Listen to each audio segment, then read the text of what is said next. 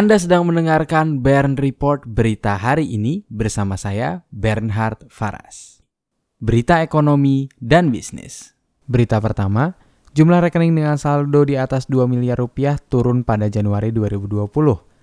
Lembaga penjamin simpanan melaporkan jumlah rekening simpanan dengan nilai saldo di atas 2 miliar rupiah pada bulan Januari 2020 mengalami penurunan dibanding angka pada periode yang sama – Jumlah rekening tersebut turun dari 283.263 rekening pada bulan Desember 2019 menjadi 279.565. Berita kedua, pengusaha menyebut banjir kali ini adalah yang terparah.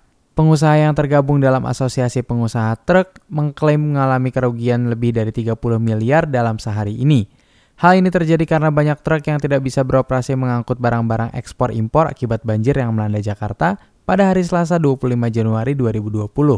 Mereka berharap pemerintah memberi perhatian pada dunia usaha yang terkena banjir dan masyarakat umum. Selain itu, mereka juga menyarankan pemerintah daerah untuk meningkatkan lagi manajemen dalam menanggulangi masalah banjir. Berita ketiga, pengunjung mal anjlok 50% saat banjir melanda Jakarta. Pada hari Selasa 25 Februari 2020, Jakarta dilanda oleh banjir yang cukup besar. Ketua Asosiasi Pengelola Pusat Belanja Indonesia, DKI Jakarta, Ellen Hidayat, menyebut sebagian besar mal di Jakarta tetap beroperasi meski banjir melanda. Ia memperkirakan jumlah kunjungan ke mal tersebut turun sebesar 50% akibat banjir. Ellen menyebut penurunan tersebut karena sebagian akses jalan terdampak banjir sehingga masyarakat sulit untuk mengunjungi mal. Berita keempat, agen perjalanan online Expedia PHK 3.000 karyawan. Expedia Group akan melakukan pemutusan hubungan kerja atau yang biasa disebut PHK terhadap 12% dari total pegawainya. Artinya, kurang lebih ada sekitar 3.000 karyawan Expedia yang terdampak rencana PHK oleh perusahaan. Expedia menyatakan langkah untuk PHK ini diambil setelah diketahui kinerja keuangan tahun 2019 Expedia yang mengecewakan. Selain itu, Expedia juga akan mengurangi sejumlah proyek dan vendor. Berita kelima, pemerintah beri tiket pesawat diskon hingga separuh harga.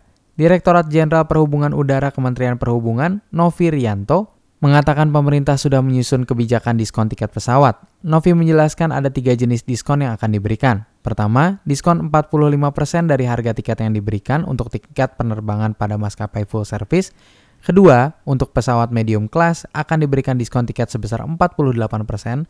Ketiga, maskapai low cost carrier akan mendapatkan diskon 50% dari harga tiket.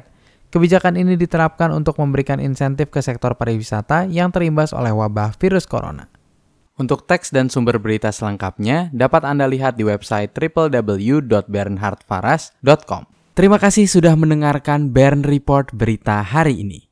Jangan lupa untuk membagikan kanal ini kepada kerabat Anda, tekan tombol like dan subscribe untuk mendapatkan kabar terkini setiap pagi dari hari Senin hingga hari Jumat pada pukul 6.30 waktu Indonesia Barat. Saya Bernhard Faras pamit undur diri, semangat selalu dalam menjalani hari ini.